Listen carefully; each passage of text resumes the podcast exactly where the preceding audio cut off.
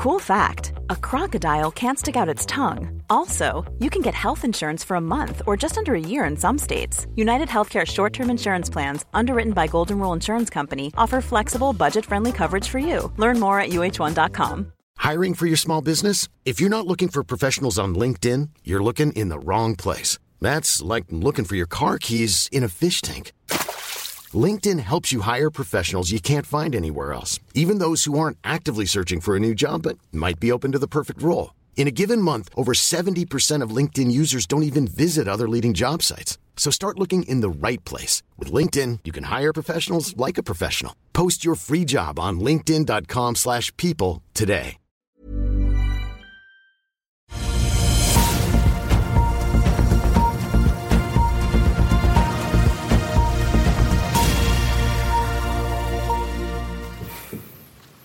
En riktig god morgen og velkommen til en ny uke med Børsmorgen her hos oss i Finansavisen. Mitt navn er Benedikte Storm Bamvik, og med meg har jeg aksjekommentator Karl Johan Molnes. Senere i sendingen så får vi også besøk av analytiker i Kepler, Kepler Chevreux, Christian Nordby. Nå i forkant av Sjømatgigantene som kommer med kvartalstall denne uken og neste. Først skal vi se litt på Oslo Børs, som endte forrige ukes siste handelsdag ned 0,53 I dag så venter Nordnett-analytiker Roger Berntsen at Oslo Børs vil åpne flatt. Fredag kom det viktige sysselsettingstall fra USA, som løftet New York-børsen markant. Sysselsettingen utenfor landbruket i USA, non-farm payroll, som det også heter, økte med 150 stillinger i oktober, lavere enn det forventede 180 000. Lavere sysselsettingstall, høyere ledighet og svakere lønnsvekst har gitt aksjemarkedet håp om at den amerikanske sentralbanken Federal Reserve er ferdig med å heve rentene ytterligere. For denne gang. Med det så endte da Wall Street eh, ukens siste handelsdag i grønt etter en bred oppgang blant de tre hovedindeksene. Ser vi over på Asia og stillehavsområdet, så leder altså børsen i Sør-Korea an oppgangen i området etter en gjeninnføring av forbudet mot shortsalg. Nyheten sender Cosby opp 4 i dag. Ellers i Asia så klatrer Nikkei i Japan med 2,38% mens Shanghai, i, eh, Shanghai Composite i Kina er opp 0,88% Når det gjelder oljeprisen, så har den styrket seg med 0,51% siden midnatt, og akkurat nå så et fat, handles et fat nordsjøolje for 85 dollar og 32 cent. I andre nyheter så har BUE Energy og Panoro Energy i løpet av morgentimene meldt om et stort oljefunn i Gabon i eh, Sentral-Amerika. Afrika. Foreløpige estimater indikerer brutto utvinnbare reserver på 6-7 millioner fat olje og rundt 100, nei, 100 rundt 16 millioner fat olje in place, som er på linje med forventningene før boringen ble igangsatt. Det har også kommet ferske trafikktall fra Norwegian som meldte om at de hadde 2,1 millioner passasjerer og en fyllingsgrad på 86,1% i oktober. Det har også kommet eh, oppdateringer fra meglerhusene der bl.a. Carnegie har gått fra kjøp til hold på Grieg Seafood og senket kursmålet fra 85 til 2 kroner per aksje. Til sammenligning ble aksjen handlet for nesten 75 kroner ved børsslutt fredag. Samtidig så oppjusterer ABG Sundal Collier opp kursmålet på Gram Car Carriers fra 258 til 300 kroner per aksje, og gjentar kjøpsanbefalingen. Karl Johan, skal vi se litt på markedet? Ja. Blir særlig i USA, tenker jeg. Ja, det markedet er sterkt opp, og det er jo på grunn av det betyr... Skal vente litt. Jeg tror vi ikke har lyd på deg, eh, Karl Johan. Okay. Skal vi se om vi får uh, fiksa det. Men mens de fikser det, så kan jeg iallfall si at Roger Berntsen han kom ut med en uh, melding på morgenen i dag om at uh, aksjemarkedet gjør det godt på denne tiden av året, som for øvrig ikke er uvanlig, sier han. Det vil si at november så har eh, det historisk sett vært en av de beste månedene i året for aksjeinvestorer, ofte pga. optimisme før årsslutt og sesongmessige investeringstrender. Så han spår jo at dette her er jo eh, som ventet, og da særlig peker han mot at det var eh, styrket forrige uke blant eh, de fleste børsene. Så da kan vi gå litt tilbake til deg, nå ja. som du har fått lyd på, på jakka der. Så det, er, eh, det, er, det, det, som driver dette, er jo svake eh, ISM-tall, 46,7, og, og eh, også eh, andre tall da, som, gir, som, som, som, førte til et rentefall i den lange enden, eh, ned til 50 basispunkt. Men det som, det som driver det, er jo at de, det, det, som, det, som, driver eh, obligasjons kursene da, og, og yielden er jo handelen på Chicago-børsen. altså Sånne aggressive trade som Bill Ackman har gjort. og De eh, closa inn sine posisjoner, og det kjørte da rentene ned med en halv prosent. Det, det er veldig mye på tiårsrenten. Eh, men likevel da, så, så er yield-kurven som var på vei å bli flat, den er nå fortsatt da invertert med 0,3 da mellom toårsrenten og tiårsrenten.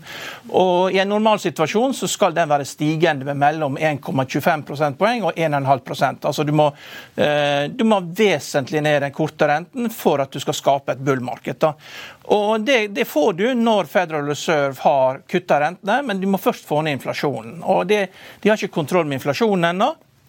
Og Da kan man jo gå tilbake til Atlanta Fed. De spådde veldig rett, 5% vekst i eh, tredje kvartal, men ingen som ser på hvilke tall de har for fjerde kvartal. Der spår de bare 1% vekst. Og Får de rett med det, så går vi på vei. Vi er på vei. Og vi, vi ender i nedgangskonjunktur uansett, sånn sett setupet her er, med mindre du får sett et veldig høyt krigsforbruk som gjør at du får en krigsøkonomi. Og Det vil vi ikke ha, for det vil jo skvise konsumentene. Så alle de som driver og bygger hus og, bygger, og selger biler, de vet jo at det er nedgangskonjunktur, men eh, det har ikke rammet hele økonomien ennå. Og eh, Dit må vi eh, for at Federal Reserve skal si at OK, nå kutter vi rentene. Da kommer det gjerne et stort 2 prosentpoeng kutt med en gang. Men det er ikke før liksom på slutten av første halvår vi kan håpe på det. Det er no pain, no gain. Altså Det blir ikke noe bull market i aksjemarkedet før at du må ha small caps må rally, sykliske og banker. Og vi er ikke i nærheten av det. Så dette her er det er smerte. Må ikke la deg lure. Må, må ha penger på bok. Når, når, når, når, liksom, når markedet faller ut for fossen, så må man ikke si akkurat sånn som en, en, en eiendomsutbygger som dette kom så overraskende. Det kommer et skarpt fall i, i børsene. Eh, estimatene er altfor optimistiske. Det var 14% EPS-vekst i USA som ligger i estimatene. For at du skal få til det, så må du ha 12% nominell vekst i økonomien. Det har ikke skjedd siden 1950. Eh, og, og, så det, Man må være veldig forsiktig. Estimatene er for høye, kursene på de, mest, de aksjene som driver markedene er for høye. Så det, det, det, blir en serie av eh, start og gå. Og, og Det som kjennetegner bear rally, er jo sånne skarpe eh, økninger på 5 på, på en dag. Og Det kommer også første rentekuttet, så kommer det også en 5 eh, dag opp. Men likevel, markedet kommer til å falle. Vi kommer til å ha minst ett år med små, korte bear rally, som kommer til å ende med et skarpt fall i markedet. Hva tenker du om julerally, da? Nei, Julerally det, det, kan godt hende det kan bli litt julerally.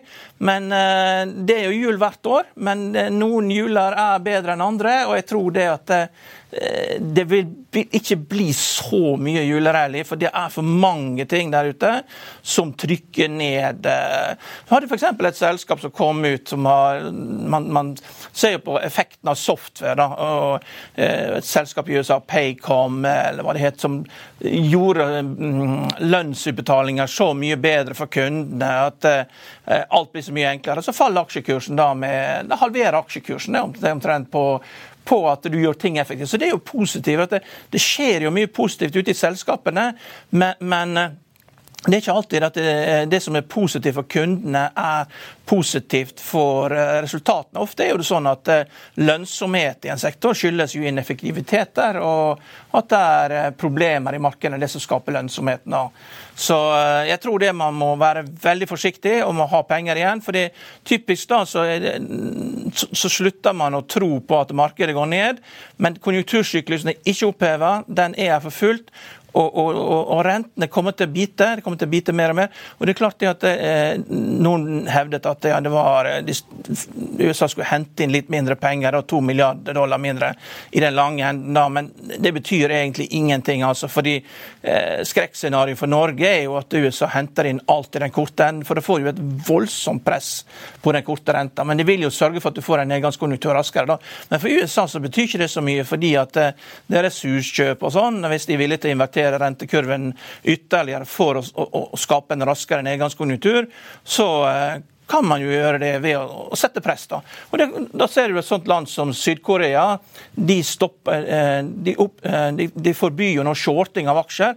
Årsaken til det er at de ser at de ikke er så beskytta som de var før. da Når USA var oljeimportør, så ville USA sette på bremsene før.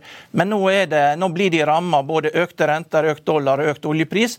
Og da blir Syd-Korea liksom havner liksom ikke så langt etter Tyrkia ja, i problemet med finansiell innstramming pga. den syklusen vi har. da.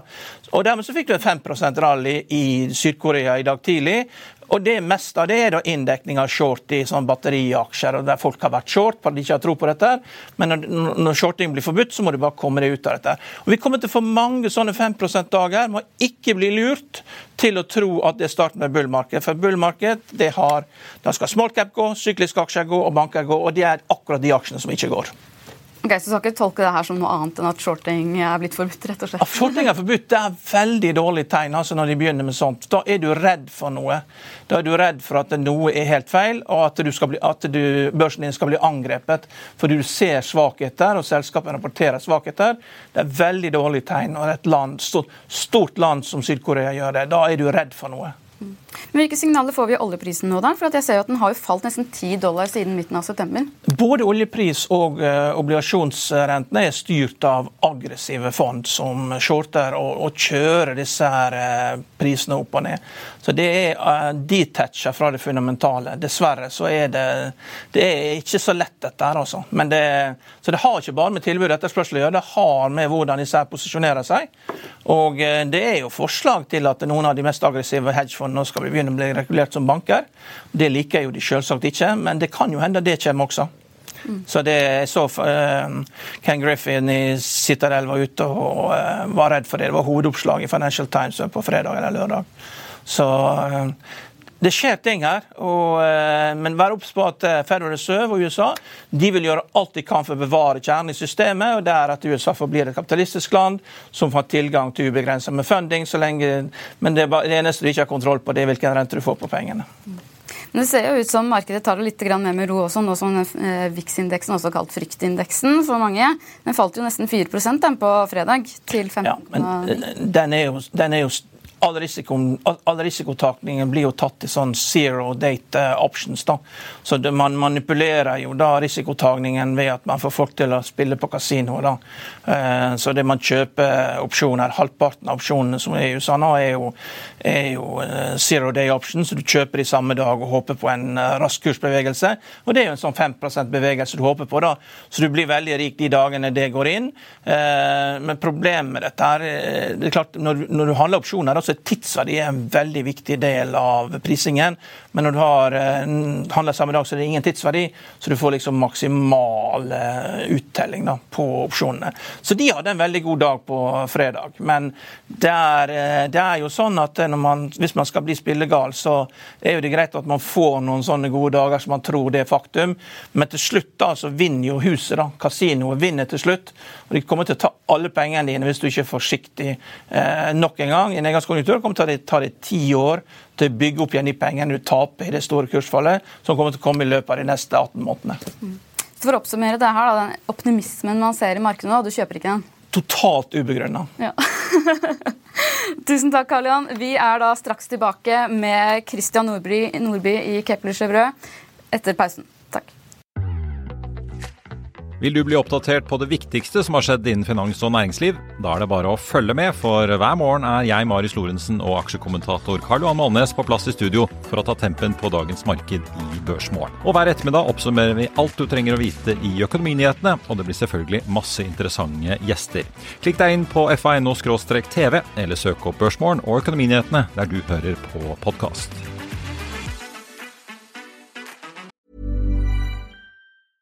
Hiring for your small business? If you're not looking for professionals on LinkedIn, you're looking in the wrong place. That's like looking for your car keys in a fish tank. LinkedIn helps you hire professionals you can't find anywhere else, even those who aren't actively searching for a new job but might be open to the perfect role. In a given month, over 70% of LinkedIn users don't even visit other leading job sites. So start looking in the right place. With LinkedIn, you can hire professionals like a professional. Post your free job on linkedin.com slash people today.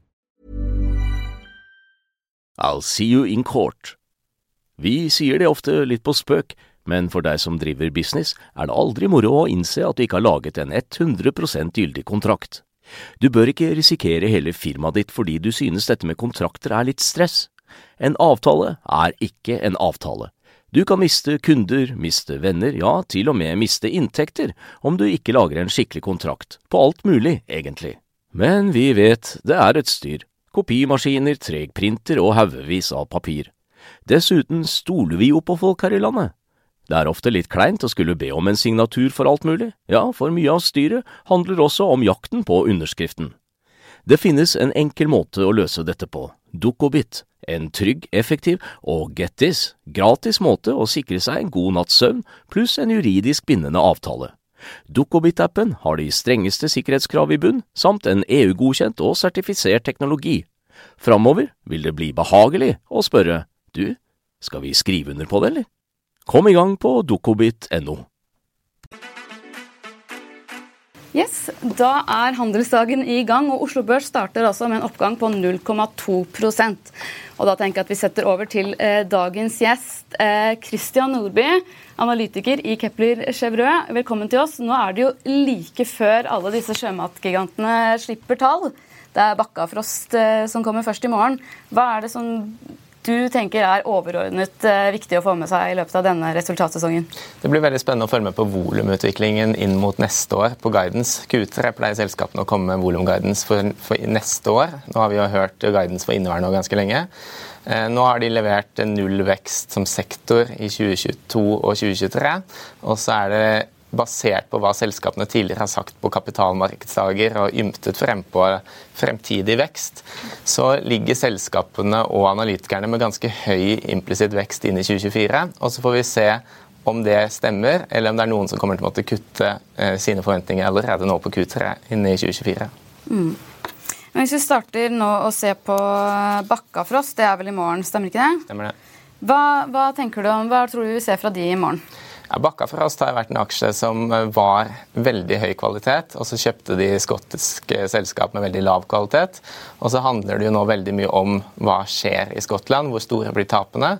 Vi så i tall fra august at de hadde veldig høy dødelighet, og det guidet jo selskapet også på Q2. Um, ehm, og så har vi sett i september, basert på de tallene jeg har sett, på hvert fall, at september må ha hatt mindre dødelighet enn august. Så jeg forventer nok at Eh, Bakkafrost kommer litt bedre inn enn forventningene tilsier nå. For forventningene som ble satt etter de augusttallene, var nok litt for mørke. Og så forventer jeg også at Bakka skal guide ganske positivt på volumvekst på Færøyene inn i neste år. Så får vi se hvordan de faktisk kommer da i, i morgen. Mm. Men det er jo altså, det er ikke bare Bakkafrost som er i Skottland. Det er jo andre selskaper. Hvordan tror du denne dødeligheten har påvirket eh, disse selskapene generelt utover Ja, Vi har jo sett Movi sin trading update. så Movi kommer jo også, de, lever, de tjente jo penger, så de er jo på en helt annen liga, kan du si. Eh, men eh, Movi også var jo under forventningene til seg selv. Eh, og så har vi jo SalMar og Lerøy sin JV med, som heter Scottish Sea Farms. Og de forventer vi også blir, blir dårlige i kvartalet. De har også slitt de siste kvartalene. Så totalt sett blir nok ikke dette kvartalet en fest i Skottland. Det blir det ikke. Du, det som er fint med dine anbefalinger, er at de avviker litt fra eh, alle de andre. Veldig konsensusdrevet sektor, hvor de fleste har kjøpsanbefalinger på nesten alle aksjene. Du har kjøpt på Bakkafrost, men du har også et veldig mye høyere kursmål på Bakkafrost, på 780, mens konsensus ligger på 591. Er det fordi at du virkelig tror at de lykkes i Skottland, at de andre ikke gjør det, eller hvilke andre avvik er det det skyldes? Jeg tror Bakkafrost kan stå i 780 selv hvis det setter eh, Skottland til null.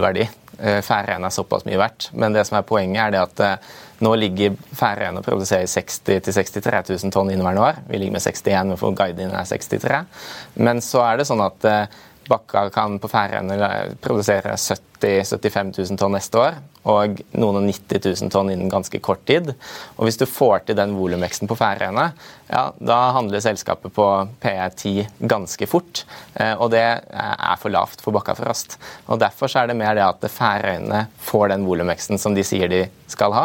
Og da blir Bakkafrost verdt noe helt annet enn 500 noe kroner. Altså Bare på dagens inntjening på mine tall, 2023, så handler den på PE 15,8. Eh, og den handler på PE 12,5 neste år, når fortsatt Skottland sliter. Så det er mer den utviklingen av Færøyene som er det viktige for Bakka-aksjen, tenker jeg. Og nå er det veldig fryktdrevet med sentiment. Skottland er dårlig, sentimentet er dårlig, men det er egentlig Færøyene som har underperforma litt i det siste, som jeg tror kommer til å snu og løfte aksjen igjen nå. Okay. Hvis vi ser på, når vi kommer til onsdag, så er det jo Mowi som legger frem tall. Og Der har de jo allerede varslet markedet at de venter et operasjonelt driftsresultat på 203 millioner euro i kvartalet. Eh, hva annet er det du forventer å se fra Movi, og hva annet er det som har preget dette sjømannsselskapet i løpet av de siste tre månedene? Ja, For Movi en del så har vi jo sett trading-updaten, og da blir det ikke like spennende. Det er volumguiden sin ved 2024, og så er det utbytte som kommer. Eh, og så kan det hende de sier noe på skatt, men jeg tviler egentlig på det. Det er en sånn justert skatt hvor de har snakket om de siste kvartalene. Så jeg, jeg tipper vi får noe mer konkret på skattesiden. På volumene så er jo egentlig volumvekstforventningene til Movi ganske lave. I hvert fall hvis du sammenligner med alle de andre selskapene. Eh, så kanskje Movi kommer inn med 5-6% volumvekst i 2024. Det er ikke helt utenkelig. Eh, og så tipper jeg vel at de kommer med et utbytte eh, altså rett under to kroner per aksje. Eh, det er i hvert fall det vi ligger med. Kanskje to hvis de gir litt gass og øker payout-ratioen sin. Men uh, utover det så blir det ikke sånn kjempemye nytt i Movi-tallene. Hva var det de sa om slaktevolumet? Ja, eh, de har ikke sagt noe om slaktevolum i 2024. Nei. Jeg anslår at det kan bli sånn 5-6 volumvekst. Ja, sant. Ja. Mm, nettopp. Og så er det jo også, eh, Hvis vi ser på Grieg, så har, der har det jo skjedd litt mer. For der har det jo vært eh, preget særlig av denne lakseanemien. Mm. Eh, hvordan tror du dette vil, vil ses i tallene nå? Ja, Vi har jo salgsanbefaling på den aksjen. og Årsaken til det er det at nå har de hatt veldig vanskelig biologi i nord med denne parasitten som ingen andre lakseselskap eh, har. Eh, jeg har ikke hørt om den før da den kom, den Spiro. Eh, og Det har gjort at de har hatt dårlig fiskehelse. Og så skulle de nå i, i Q3 vokse biomassen sin veldig i nord. Men av hensyn til velferd så klarte de ikke det. De måtte ta ut en del fisk, så da ble det slakt i nord allikevel. Og da betyr det jo at sannsynligheten for volumkutt er ganske høy. I hvert fall inn mot fjerde kvartal, kanskje også neste år. Det er da norddelen av selskapet. Og så er det jo sånn at all cashflowen de lager i Norge, blir jo egentlig dyttet inn i Newfoundland Canada, hvor de skal ha steril laks i et ganske vanskelig område.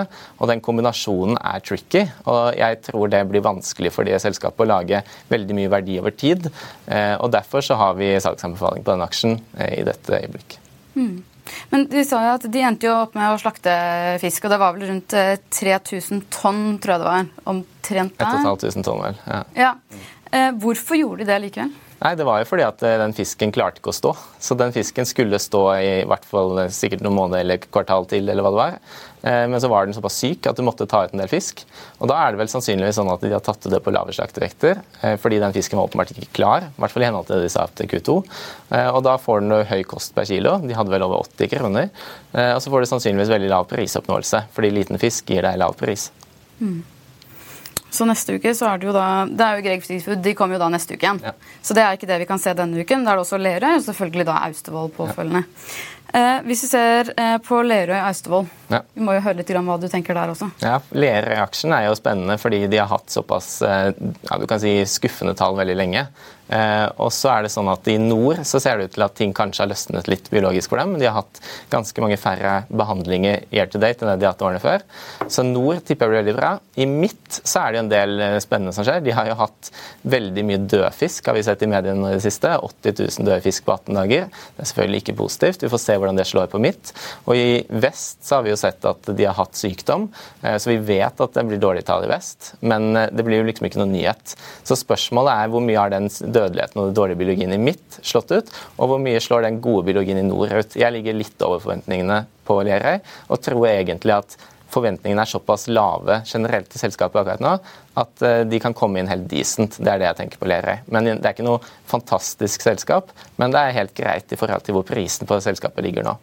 Og På Austevoll så er det bare en proxy på Lerøy, men der er det jo sånn at uh, det er veldig lav fiske i Peru for øyeblikket, og de er veldig eksponert den veien. Så har fiskesesongen begynt. De har begynt å fange noe anchoveta. Uh, og så får vi se om sesongen blir stoppet tidlig eller ikke denne gangen. Det blir veldig spennende, men det vet vi ikke ennå. Vi må snakke litt mer om SalMar. Der er du en av få som har hold-anbefaling. Nå er SalMar den dyreste prisede lakseaksjen, med PE på 15, over 15 ifølge konsensus. Men eh, targetet ditt er omtrent på linje med de andre, selv om du har hold-anbefaling. Er, er, det verdivurderingen som gjør at du har hold, eller er det andre ting? Ja, Jeg fant ikke noe særlig oppside. Så da, hadde, da Aksjen eh, sto vel i 560 da jeg satte hold, og hadde target 570. Og det er ikke noe vits å chase en aksje på 560 når du har target 570, så da ble det hold. Eh, det jeg tenker sånn på SalMar, er at hvis du ser på konsensus neste tolv måneders PE, så er den eh, PE-multiplen ned 20% på to år.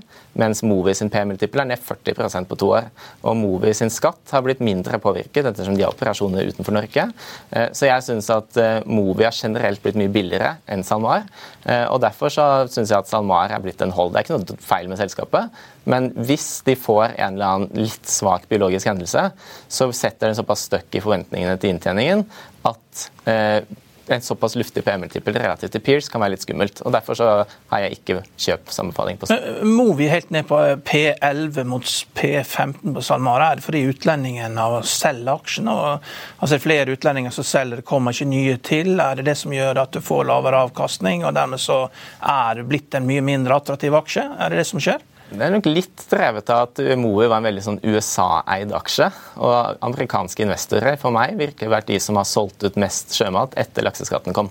Eh, og så er det det at eh, Movi har eksponering mot Skottland, Canada og Chile. Og det har ikke vært noen sånn kjemperelativ fest i det siste. Det har vært Norge som har vært best, og Færøyene for så vidt. Og så blir det veldig spennende å se med Chile nå når de skal inn i El Niño. Det blir jo El Niño skjer jo nå, og sommersesongen for Chile er februar, mars, april. Eh, sist gang det var sterk El Niño, i 2016, så døde jo 15-16% av chilensk laks. Eh, og da er det ikke noe fordelaktig å være eksponert der. Selv om Movi, som er såpass differensiert eh, og diversifisert, de tjente jo masse penger i 2016 de også, selv om de var i Chile. Men det blir litt sånn at kanskje det er bedre ei som ikke er i Chile, enn Movi som er i Chile. Men jeg syns Movi-aksjen er blitt for billig. Eh, og Derfor så har vi den på kjøpsanbefaling. Vi må jo snakke litt om Atlantic Sapphire også. Du var jo den første som gikk ut hardt og kåla den og sa den ikke var investerbar. Og det er klart, det, alle har jo sett det var problemer, men noe annet er jo å gå ut og skrive det i en analyse. og Det er jo modig gjort.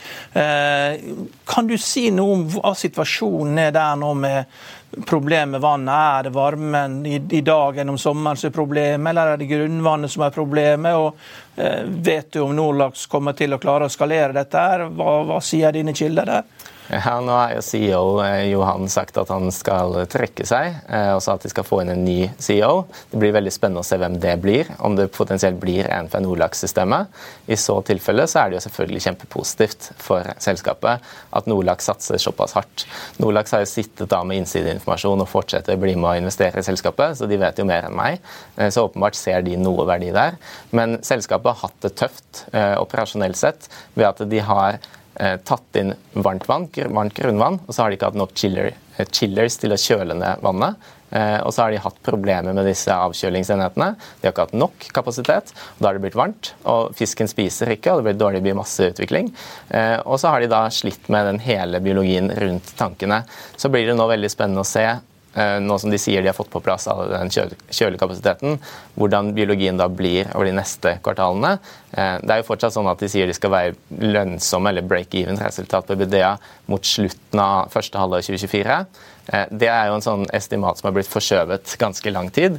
Så per dags dato er forventningene lave, men det kan hende at noe skjer nå med, med når Nordlaks tar med ansvaret i selskapet. Vi får se. Så hvor mange kroner per kilo koster det da å kjøle den ned til en fornuftig temperatur? Er det noen som har regna på det og fått et riktig regnestykke?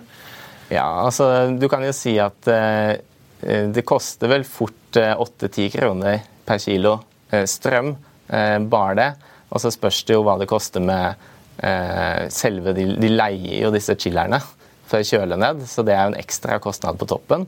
Eh, og så er det jo da, Hvis du ikke har full utilization på tanken din, altså du, du har masse ubenyttet kapasitet, så kjøler du jo ned vann som ikke er til fisken i seg selv. altså Du kunne hatt mer fisk per kjølekapasitet. Ja, Men det kapital, altså chillerne er jo kapitalgust, Du må jo gå inn og kjøpe de til en fornuftig pris. Ja, De leaser dem foreløpig, da. Ja, ja, men på et eller annet tidspunkt så kan man kjøpe de, og da, da måler man altså kanskje 10 kroner per kilo i chilling da, mot 20 kroner i frakt. Så det at eh, netto, hvis man får til dette, så er det en 10, 10 kroners gevinst. Ja, så er du, Det er jo høy capex og sånne ting, men ja, du kan absolutt lage et case der du kan ha ganske gode kostnader i Atlantic Sapphire. Det var det man så var på en måte analysecaset for, eller aksjecaset for noen år siden. Ja. Eh, men da var det 20 kroner forskjell, og nå er det kanskje bare 10?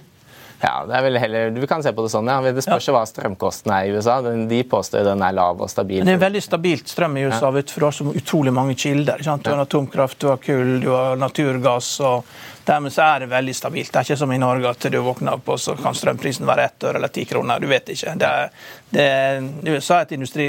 Selv om vi ikke er et superindustriland, så har de kontroll på strømprisen sin litt mer enn vi har. Og, og, og strømmen er dyr om sommeren, og, men det er jo da de bruker chillerne. Absolutt. Men du må klare å ha høy utnyttelse på tanken din med fisk. Ja. Hvis ikke så er det vanskelig. Det er ikke lett. Men Nordlaks vet kanskje hva de holder på med. De er flinke, de. Kanskje det er håp i, nederst i bunnen av Pandoras eske? Utenkelig.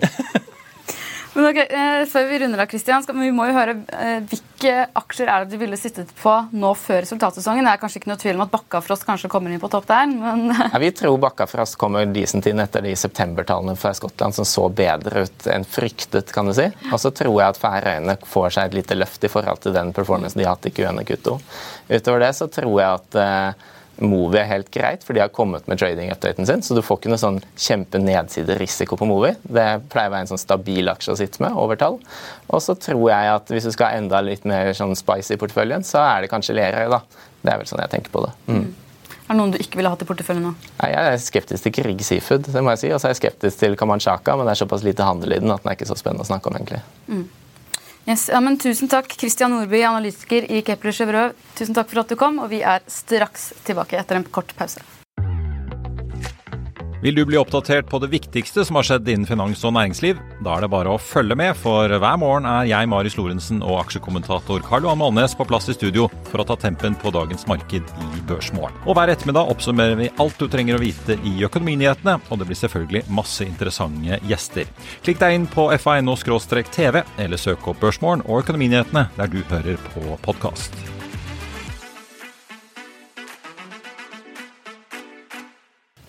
Før vi setter en strek for dagens sending, vil vi bare minne om dagens utgave av Finansavisen, der du kan lese om selskapene som ble notert på Oslo Børs i 2020 og 2021. Av totalt 121 nynoteringer så har hele 99 selskaper falt i kurs siden børsdebuten, debuten, eh, hvor gjennomsnittlig avkastning er på minus 37 over halvparten har også falt mer enn 50% i kurs. Du kan også lese om MPR Revisjon, som er i hardt vær og har ilagt et gebyr på 200 000 kroner etter at Finanstilsynet iverksatte gransking av stiftelsen Dialog for fred. Tilsynet mener stiftelsens revisor i MPR Revisjon ikke har fulgt opp sine plikter. Mer om dette og mye mye mer kan du selvfølgelig lese om på fa.no, der du også vil få siste nytt fortløpende gjennom hele dagen. Husk å få med dere økonominyhetene klokken 14.30 i dag, og så får dere ha en riktig god dag videre. Takk for nå.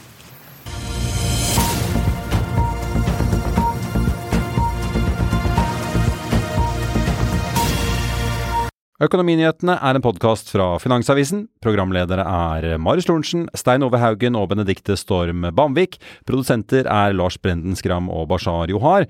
Og ansvarlig redaktør er Trygve Hegnar.